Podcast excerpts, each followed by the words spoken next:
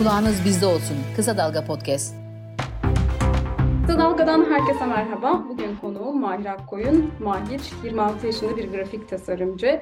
Ee, başarılı bir grafik tasarımcı. Biz hepimiz Türkiye olarak Mahir'i iki gün önce gözaltına alındığında yani tasarımları ile ilgili gözaltına alındığında tanıdık. E, Mahir çok başarılı bir e, tasarım yapmıştı bence. Bu ürün size pahalı mı geldi? Erdoğan sayesinde yazılı stickerlar. Her yerde görmeye başladık bu stickerları marketlerde, pahalı ürünlerde, hatta giysilerde. Kısa sürede her yere yayıldı ve başarısının bir armağanı olarak da gözaltına alındı. Türkiye'de biraz böyle başarı biraz böyle ödüllendiriliyor biliyorsunuz. Mahir ben e, bu stickerları görünce şöyle paylaşmıştım. Çok güzel bir seçim kampanyası dedim yani stickerları paylaşarak ve dedim ki darısı muhalefet partilerinin başına. E, çünkü gerçekten henüz böyle bir afiş çalışması, böyle bir seçim kampanyası, başarılı bir seçim kampanyası görmedim. E, sonrasında diğer çalışmalarına bakmak istedim. Hani hem Instagram'da paylaştıkların hem Twitter'da paylaştıkların çok işler vardı, kapak tasarımları. Biraz diğer tasarımlarını, başarılarını da konuşalım isterim. Biraz seni tanıyalım. Bize biraz kendinden bahseder misin? Yani şeyden başlayayım. İki sene önce, yani iki seneye yakın sanırım sanırım.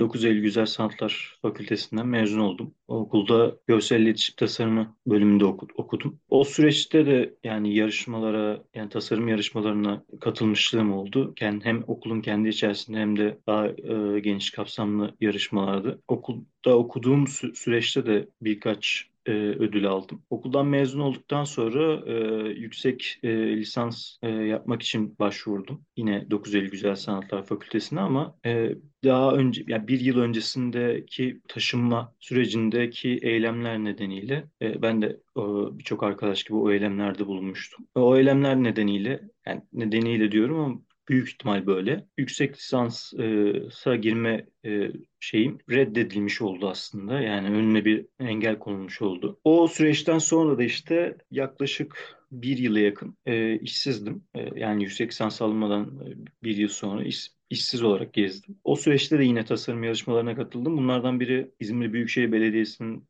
düzenlediği GMK ile düzenlediği Grafik Tasarımcılar Meslek Kuruluşu'yla birlikte düzenlediği bir e, logo tasarım yarışması vardı. Ya şeye genelde çok katılmam bu tip logo tasarım yarışmalarını yanlış bulurum. Yani e, yöntemsel olarak yanlış bulurum. Detaylı bir konu o da. Yani çok uzatmayayım. Ama bu yarışmaya katıldım çünkü dediğim gibi GMK yani GMK ile nitelikli bir kurum ile yapılan bir yarışmaydı ve o yarışmada da 300 aşkın tasarımcının arasından yaptığım logo birinci seçildi. O zaman da birçok tartışma olmuştu. Yani nasıl seçilir bu logo falan diye çok yani çok eleştiri almıştım.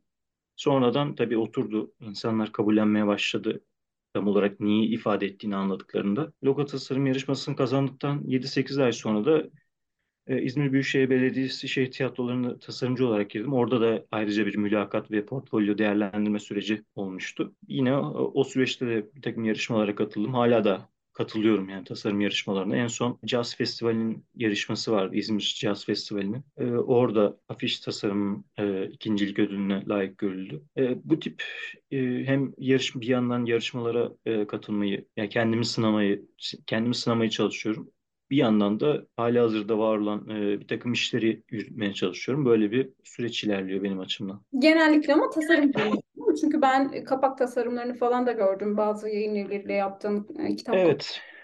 Onlar da çok güzeldi. Yani bu süreçte genelde zaten e, birçok iş yapıyorum. Bu birçok işin e, önemli bir kısmı gönüllü işler oluyor. Yani e, yapmaya değer bulduğum işleri e, gönüllü olarak yürütmeye çalışıyorum. O işler de oluyor. Bir yandan işte normal bana gelir sağlayan bir işim de var. Bir yandan da onları yapıyorum. Ve hali hazırda şu anda da devam ettiğim, yani muhtemelen önümüzdeki birkaç hafta içinde e, duyuracağım ya da yayınlayacağım bazı işler de var. Bu şekilde devam ediyor. Peki Mahir, pahalılığa, yoksulluğa, ülkenin gidişatına dikkat çeken bir e, sticker e, yaptın, tasarladın, hazırladın ve kısa sürede bu her yere yayıldı. Herkes paylaşmaya başladı. Ülkenin geneline yayılmaya başladı. Çok dikkat çekmeye başladı. Ve sonrasında gözaltı süreci başladı. Yani bunu biraz da senden duyalım mı? Gözaltı süreci nasıl başladı? Sanırım sen gözaltından bir gün önce Twitter'da gözaltına alınırsam diye bir ifadeyle bir şey paylaşıyorsun. Hı hı. Sanırım sen farkındasın, bir hissediyorsun gözaltına da alınacağını. Bir anlat evet. nasıl oldu o süreç? Yani gözaltına alınmayı bekliyordum çünkü çok olumlu tepkinin yanında çok da şey yani birçok kişinin şey yaptığını gördüm. Yani ihbar ettiğini ya da ya tehdit ayrı bir şey yani o bana yönelen bir şey ama bir de hani ihbar ettiğini yani bakın böyle bir şey var emniyeti işte etiketleyerek vesaire suç Hı. duyurusunda bulunacağını söyleyen birçok insan oldu. Aynı zamanda şey de oldu yani işte etiketlerin üzerindeki markalardan da yazanlar oldu. Yani işte bizim markamız görünüyor siz bunu yapıştırmışsınız falan hani e, dava konusu olur gibi. E, ben kendilerine söyledim yani bunu ben yapıştıran ben değilim. Ben sadece şeyini paylaştım. İnsanlar da yapıştırdı. Ben de bunu haber değerinin olduğunu görerek paylaşmış oldum. E, işte onun yanında birçok da şey oldu. E, ihbar. Benim gördüğüm görebildiğim. Haliyle tahmin edebildim yani bu sürecin gözaltına hatta e, daha ile yani tutuklanmaya bile gidebileceğini e, tahmin ettim ama ses getireceğini de düşünüyordum. Fakat bu kadar getireceğini düşünmüyordum tabii. Yani öyle bir beklentim pek yoktu. Peki gözaltı sürecini biraz anlatır mısın? Adli kontrol şartı olmaksızın serbest bırakıldın bir önceki. Gözaltı süreci e, yani saat 7-7.30 arasında sanırım. O esnada çok telefonuma bakamadım. Yani tam evden çıkarken sadece tweet atmak atabildim. Onun dışında çok şey yapamadım. Saate de bakmak aklıma gelmedi işin doğrusu. Yani apar topar çıkınca. Saat 11-12'ye kadar ifade verdim.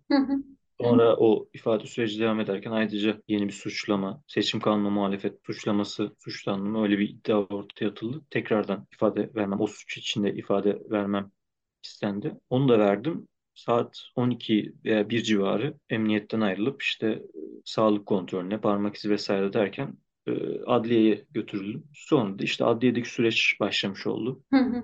Peki sen daha önce yine tasarımlarınla ilgili gözaltına alındığını söylemiştin. Yine buna benzer eleştirel tasarım. Evet, evet. E, eleştirel tasarımlar yapıyorsun. E, dünya görünüşüne e, uygun olabilir, ideolojine uygun olabilir e, eleştirel tasarımlar ve bunlar hani ifade özgürlüğü kapsamında aslında hakarete varmayan, işte yoksulu eleştirebilirsin, ekonomik krizi eleştirebilirsin, iktidarı eleştirebilirsin. Tamamen eleştiri kapsamında benim en azından incelediğim ve gördüğüm kadarıyla. Nasıl değerlendiriyorsun bu gözaltıları? İşte dediğim gibi daha öncesinde de olmuştu. Daha öncesinde de mevcut gündeme dair yaptığım bir, birkaç tasarım e, veya tasarımlar e, özelinde ifadeye çağrılmıştım ya da gözaltına alınmıştım. O, o tip şeyler oldu. Olmasını da bekliyordum dediğim gibi. Beklentim var açıkçası bu tip şeyler yaptığımda e, böyle bir tepkinin gelebileceğini, e, böyle bir reaksiyon alınabileceğini tahmin ediyorum. Zaten hani öncesinde de olduğu için.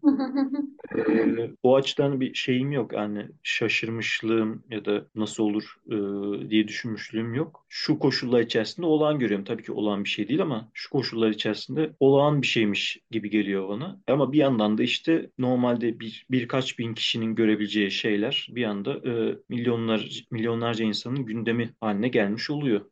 Bu açıdan evet yani benim için gözaltı süreçleri biraz can sıkıcı olabiliyor ama Çok özür dilerim.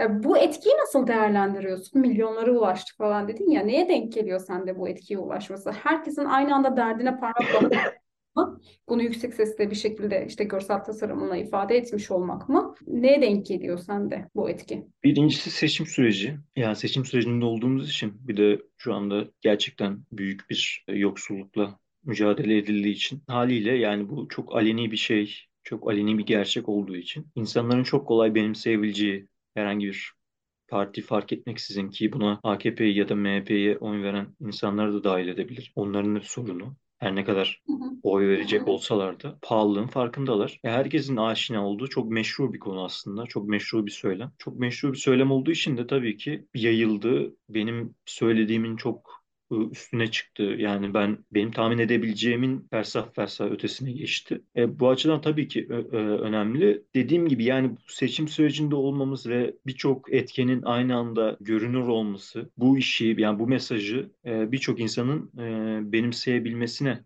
benim, benimseyebilmesini sağladı. Zaten ben de bunu amaçlıyordum açıkçası. Yoksa sadece şey değildi yani sticker'ı alıp bir ürünün üzerine yapıştırmak insanların fikrini değiştirmeyebilir. En azından benim elimde böyle somut veri yok. Yani işte e, AKP ya da MHP'ye oy veren bir insan bir ürün üzerinde, pahalı bulduğu bir ürün üzerinde sticker'ı gördüğünde aa evet gerçekten de bunun sorumlusu bu insanlar deyip oy tercihinden vazgeçmeyebilir. Yani vazgeçebilir ama bilmiyorum yani benim elimde böyle bir somut veri yok ama önemli olan zaten bunun haricinde şu stickerların üzerinde yazan şeyin gündem olması önemli. Siyasete dayatılması, siyasetin gündemine oturması önemliydi. Bu olmuş oldu aslında. Peki işte gözaltına alınmanla sadece etrafındaki insanlar değil, Türkiye'nin e, büyük bir kesimi duymuş oldu. Hem bu stickerları, yapmış olduğun tasarımları hem de adını. Partilerden herhangi bir geri dönüş geldi mi? Birlikte çalışmak gibi bir Çok fikir e, ya da işte tebrik olabilir. tebrik çok oldu. Ee, Birçok partiden de yani muhalif partiden yani neredeyse en azından şu anda görünür olan birçoğundan destek geldi. Ee, hem gözaltı sürecinde hem gözaltından çıktıktan sonra yani İyi Parti dahil, CHP dahil işte Gelecek, Deva, Hmm. e, işte HDP vesaire. Bütün bu partilerden e, destek mesajları geldi. E, bu da dediğim gibi aslında yani baktığınızda benim siyasal kimliğim çok bu bütün partilerle uyuşan bir kimlik değil. Ama söylediğim şey aslında herkesin sorunu. Önemli olan da yani bunu benim söylemem değil, bunun gündem olması. Yani, yani benim adım başka bir şey olsaydı, benim siyasi kimliğim bambaşka bir şey olsaydı da bu gündem olmalıydı. Yani dediğim gibi birçok destek oldu ve bir yandan da işte zaten ülkenin gündemine oturmasını sağlayan şey de buydu yani bu destekti. Peki herhangi bir e, işte seçim kampanyasını beraber götürmek gibi bir teklif gelse çalışmak ister misin? Hangi partiyle çalışmak isterdin? Olur da böyle bir teklif. Yani şimdi şöyle e, açıkçası bu tip şeyler de geldi, bu tip teklifler de geldi. Yani gözaltına alınmamdan önceki süreçte de açıkçası böyle bir şey vardı. Ama kendi e, dediğim gibi yani benim de bir şeyim var, siyasal iddiam var, bir konumum var. Ve bu nedenle çok etik bulduğum bir şey değil yani. Siyasi konumum uyuşmayan e, partilerle yan yana gelmek çok ya benim açımdan çok etik değil. Yani bu çünkü söylediğim şey zaten herkesin ortak noktası. Bunu da, bunda da şöyle bir ön koşul koymuyorum. Yani bunları paylaşmak için benimle tamamen aynı fikirde olmalısınız gibi bir iddiam yok. Herkesin alıp kullanabilmesi, e, kullanabilmenin ötesinde herkesin bir şekilde bu fikir, benim ortaya koyduğum fikrin üzerine çıkması derdim. Yani şöyle bir e, şeye gerek yok. Yani bunu Mahir söyledi, e, biz onun üzerinden üretiyoruz gibi bir şey yok. Herkesin başka bir şeyi bu üretmesi, başka bir şeyi ortaya çıkarması gerekiyor bu süreçte. O yüzden yani benim sadece önerilerim olabilir. Yani e, ki yaptım da bu önerileri başka arkadaşlara. Bu şekilde davranırsanız daha iyi olur diye. Ama hani o kadar da hani bir siyasi partinin tamamını bütün seçim sürecine dahil olma noktasında pek e, kendi açımdan doğru bulmadım. Ama dediğim gibi yani ben herkesin kapsayabileceği, herkesin söyleyebileceği şeyleri yapmaya devam edeceğim. Bu anlamda katkı sağlayacağım yani. Peki Mahir, şimdi yakın zamanda işte 14 Mayıs'ta. Ve bu seçim e, uzun süredir herkesin beklediği, çok da işte tartışmalı bir seçim. Bu seçimi nasıl değerlendiriyorsun? Nasıl bir seçim bekliyorsun? Ne bekliyorsun bu seçimden? Birinci sorun bu olsun seçimle ilgili. İkincisi de adil ve güvenli bir seçim olacağını düşünüyor musun? Ya adil bir güvenli seçim zaten çok mümkün değil yani şu koşullarda. Ya adil ve güvenli seçim olsaydı zaten gözaltına alınmazdı. Yani ben, veya benim gibi birçok insan gözaltına alınmıyor olurdu. Öyle bir beklentim yok açıkçası. Öyle bir şey olmasını beklemek de pek doğru değil. O açıdan tabii ki güvenmiyorum böyle bir şey olacağına. Diğer yandan da tabii ki çok önemli bir seçim. Önemli bir seçim olduğu için zaten e, bu kadar bir şey yapma gayesindeyim. Ben de bir- birçok insan gibi çalışıyorum. Bir, bir vaktim var. O vakti iyi değerlendirmek zorundayım. Yani işlerimi yetiştirmek zorundayım vesaire. Ama bunun yanında arta kalan vaktimde bazı şeyleri basitçe anlatmayı tercih ediyorum ya da etmeye çalışıyorum. Bu seçimin önemini bildiğim için. Çok e, durağan, hilenin hurdanın olmadığı, olağan bir seçim olacağını düşünmüyorum. Ama zaten yani bu süreç gösteriyor ki e, bu seçimin herkes açısından, herkesin yani benim açımdan da benimle çok zıt fikirde olan başka birisi açısından da e, önemli olmasını sağlayacak olan birçok yansıması var. O yüzden herkes aslında herkes için farklı farklı nedenlerle çok önemli bir seçim diyebilirim. Peki sonuca dair ne düşünüyorsun? Ya bu talebin isteğin de olabilir, öngörün de olabilir. Nasıl bir seçim olacak? Ya seçim sonrasında ne olacak? Neler değişecek? Ya ben çok şey davranmak istemem. Yani çok e,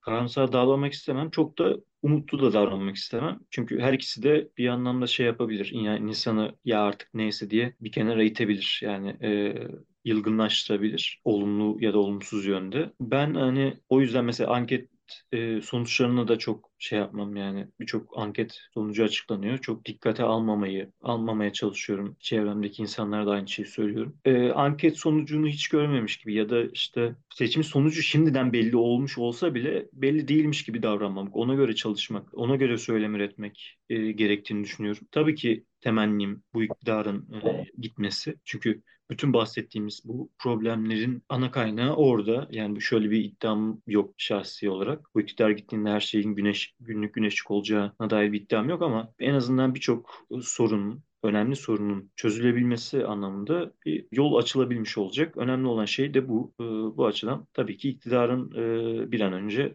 e, gitmesi gerektiği fikrindeyim. Peki Mahir biraz e, da şu konuyu konuşmak istiyorum. Ben genel itibariyle gençlerin bu hayat kavgasının, hayat mücadelesi Türkiye özelinde söylüyorum. Çok yalnız bırakıldığını düşünüyorum. Yetişkinler tarafından yani işte büyüklerimiz, siyasi büyüklerimiz olabilir. Eğitimde işte hocalarımız olabilir. Hayatın her alanında büyükler e, tarafından çok desteksiz ve yalnız bırakıldıklarını düşünüyorum bu mücadelede. Hatta dahası onların yürüttükleri, gençlerin yürüttükleri bu mücadelede araladıkları bu yaşam alanını hep daralttıklarını, hep o kazandıkları mücadeleyi kaybettirdiklerini düşünüyorum. Ve buna rağmen de sürekli hep şey duyarız. Bizi gençler kurtaracak. İşte biz bu mücadele bayrağını gençlere bıraktık. Bu söylemin de artık gençlere kendi alamadıkları sorumlulukları da yüklemek gibi değerlendiriyorum bu söylemi de. Sen nasıl değerlendiriyorsun? Siyasi iktidarlar olarak da değerlendirebilirsin bunu. Yani ülkeyi yönetenler olarak da genel e, çerçevede de değerlendirebilirsin. Gençleri anlıyorlar mı büyükler? Gençleri duyabiliyorlar mı? İhtiyaçlarına kulak verebiliyorlar mı? Onları dikkate alıyorlar mı? Bence bu tek yönlü bir ilişki değil. Yani şu ayrımı yapmamaya e, çalışıyorum ben kendi adıma. Yani gençler ya da yaşlılar veya genç genç olmayanlar gibi bir ayrım yapmamak gerektiğini düşünüyorum. Çünkü sonuç olarak yaşanan birçok şey gençleri etkilediği gibi aslında hayatının büyük bölümünü çalış çalışmakla geçirmiş olan bir emekliyi de ilgilendiriyor. Yani şöyle düşündüğünüz zaman 30 yıl çalışmış bir insanın şu anda bir kilo kıyma alacak parası yok cebinde. Ve bir yandan evet gençler de birçok baskıya ve yasaklara, yasaklarla karşı karşıya oluyor. Aynı zamanda tabii geçim sıkıntısı ve gelecek kaygısı da var. Buradaki, burada yapılan ayrımın e, ben e, problemli olduğunu, siyaseten en azından çok e, doğru olmadığını, yanlış sonuçlar verebileceğini düşünüyorum en basitinden. Bir gençle, bir üniversite çağındaki bir gençle, lise çağındaki bir gençle gencin sorunuyla e, veya gencin mücadelesiyle e, bir emeklinin mücadelesi veya da bir işçinin mücadelesi ortak bir zeminde yürütülebilir, bağdaştırılabilir. Bu açıdan tabii ki gençlere e, olduğundan çok daha fazla yük siyasi yük yüklendiği oluyor ama şuna da bakmak lazım. Şu anda genç e, nüfusun içerisinde var olan siyasi yani siyasi yet, yetkinlik mi diyeyim onu artık siyasi ideoloji çok da gençlerin sorununu çözebilecek düzeyde ki bir siyasi ideoloji değil. Yani bugün baktığımızda gençlerin birçok sorunu var aslında. Hem üniversitede hem işte yani e, genç işçiler mesela birçok sorunu var ama gençlerin bir kısmı, önemli bir kısmı adam dans etti diye mesela ona sempati diyor, duyabiliyor. Bir siyasetçi e, dans etti diye ona sempati duyabiliyor. Bu gençlerin içinde bulunduğu apolitik bir yapının sonucu, apolitik bir havanın sonucu Asıl önemli olan da bunu değiştirmek. Yani gençleri bu apolitiklik bataklığından e, çekmek ve gerçekten politika yapabilecekleri bir ortamı oluşturmak. E, atıyorum yani gençlerin, yani sticker meselesi böyle bir mesele aslında. Mesela birçok genç bana mesaj attı. Ya benim yaşlarımda benden biraz daha küçük birçok insan bana e, mesaj attı ve bu stickerları yapıştırmak istediğini, nasıl temin edebileceğini vesaire gibi sorular sordular veya nasıl destek olabileceklerine dair. Bu mesela daha politik bir yaklaşım. Yani birine oy vermekten daha politik bir yaklaşım bana göre. Yani çünkü evet herkes birine oy verecek ama e, oy vermenin dışında da ya politika yapmanın oy vermenin dışında da şeyleri var, seçenekleri var. İnsanlar buna yönelmiş durumda şu anda. Politika yapma istekleri var. Doğru politika yaptıkları zaman da gençler kendi sorunlarını da çözebilecekleri bir alan açacaklar kendilerine. Yoksa bunun tam tersi şekilde hareket ederlerse birkaç siyasi figürün hareketlerine, birkaç siyasi figürün söylemlerine yedeklenirlerse onların yaptıklarından veya yapmadıklarından bir şey e, kendilerine bir e, konumlanma biçerlerse haliyle kendilerine de bir çözümsüzlük içerisinde olacaklar. Bu açıdan ben bu sarmaldan kurtulmak e, gerektiğini düşünüyorum. Yani genç ya da yaşlı ya da orta yaşlı insanların da aslında mücadelelerinin ortak olduğunu, böyle bir ayrım yapmamak gerektiğini düşünüyorum. Onun için mesela Z kuşağı vesaire gibi tabirleri de çok benimsemiyorum yani. Bu tip tabirlerin çok indirgemeci olduğunu düşünüyorum. Peki ben yine sen gençler üzerinden devam ettirmesen de yine buradan bir soru soracağım. Eğitimli gençler, başarıları mesela yok sayılan gençler işte bu ülkeden gidiyorlar. Beyin göçü. Ciddi bir beyin göçü var. Bu şu an belki bizim gündemimiz değildi ama 5-10 yıl sonra çok ciddi bir şekilde sorun olmaya başlayacak. Potansiyelleri harcanıyor, başarıları yok sayılıyor. O beyin göçünü engellemek için ne yapmak lazım sence? Yani iktidar değişirse gelen iktidardan bununla ilgili ne bekliyorsun? Ya gelen iktidardan beklentimden ziyade şu gel şöyle bir gerçek var. Türkiye bir ucuz işçi cennetine dönüştü. Haliyle e, birçok üniversite açıldı, birçok e, insan mezun oldu. Birçok insan nitelikli bölümlerde okumasına, nitelikli işlere sahip olmasına rağmen iş bulamadı. İş bulsa dahi düşük ücretlerle çalışmak zorunda kaldı. Türkiye böyle bir ülkeye dönüştü. E, haliyle yani bu insanların göç etmesine iş bulamadığı için ya da iş bulsa dahi çok düşük ücretlere veya kötü koşullarda çalışmaları nedeniyle göç etmelerini engellemek için bu koşulları tabii ki ortadan kaldırmak lazım. Yani insanlar şimdi çok sevdikleri için gitmiyorlar sonuç olarak. Yani buradaki koşullara adapte olamadıkları için bir şekilde buradaki arı koşullarda çalışmak istemedikleri için yurt dışına gidiyorlar. Orada karşılaştıkları tablo da çok iyi değil. Yani benim en azından duyduğum kadarıyla. Bir seçeneksizlik içerisindeler. Tabii ki beklentim yani bu iktidar gittikten sonraki beklentim insanların daha iyi koşullarda, daha iyi ücretlerle çalışabildiği, örgütlenme hakkına sahip olabildiği, mesleki anlamda hem mesleki anlamda hem eğitim anlamında örgütlenme hakkına sahip olabildiği gelecek düşünüyorum. Yani bunun çünkü başka bir çaresi yok. Yani kimsenin elinde bir sihirli değnek yok sonuç olarak. Bu beyin göçünün önüne geçebilmeniz için insanlara iyi yaşam koşulları sunmanız lazım. Bunun için de e, bu şu andaki sermaye rejiminin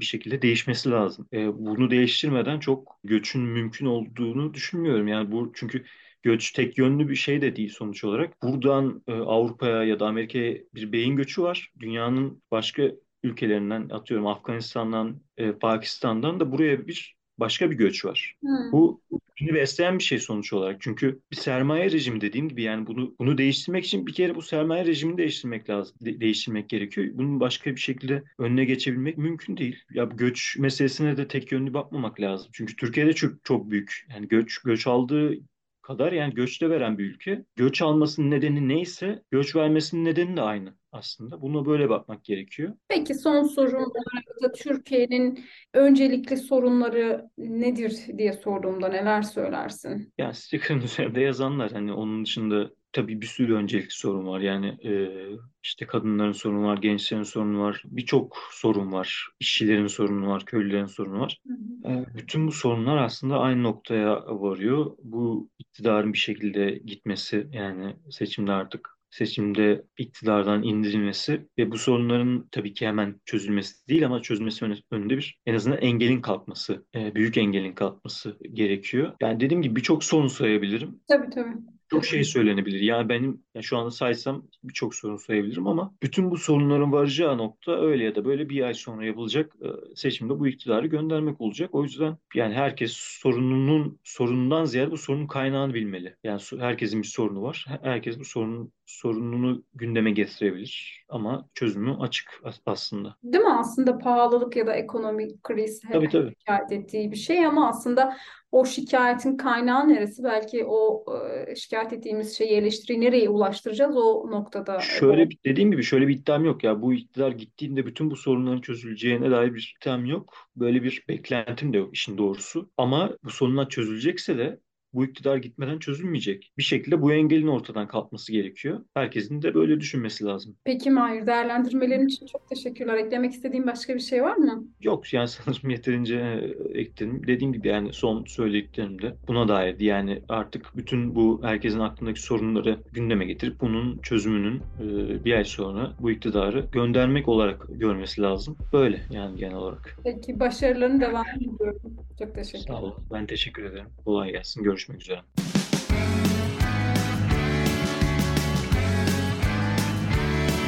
Kulağınız bizde olsun. Kısa Dalga Podcast.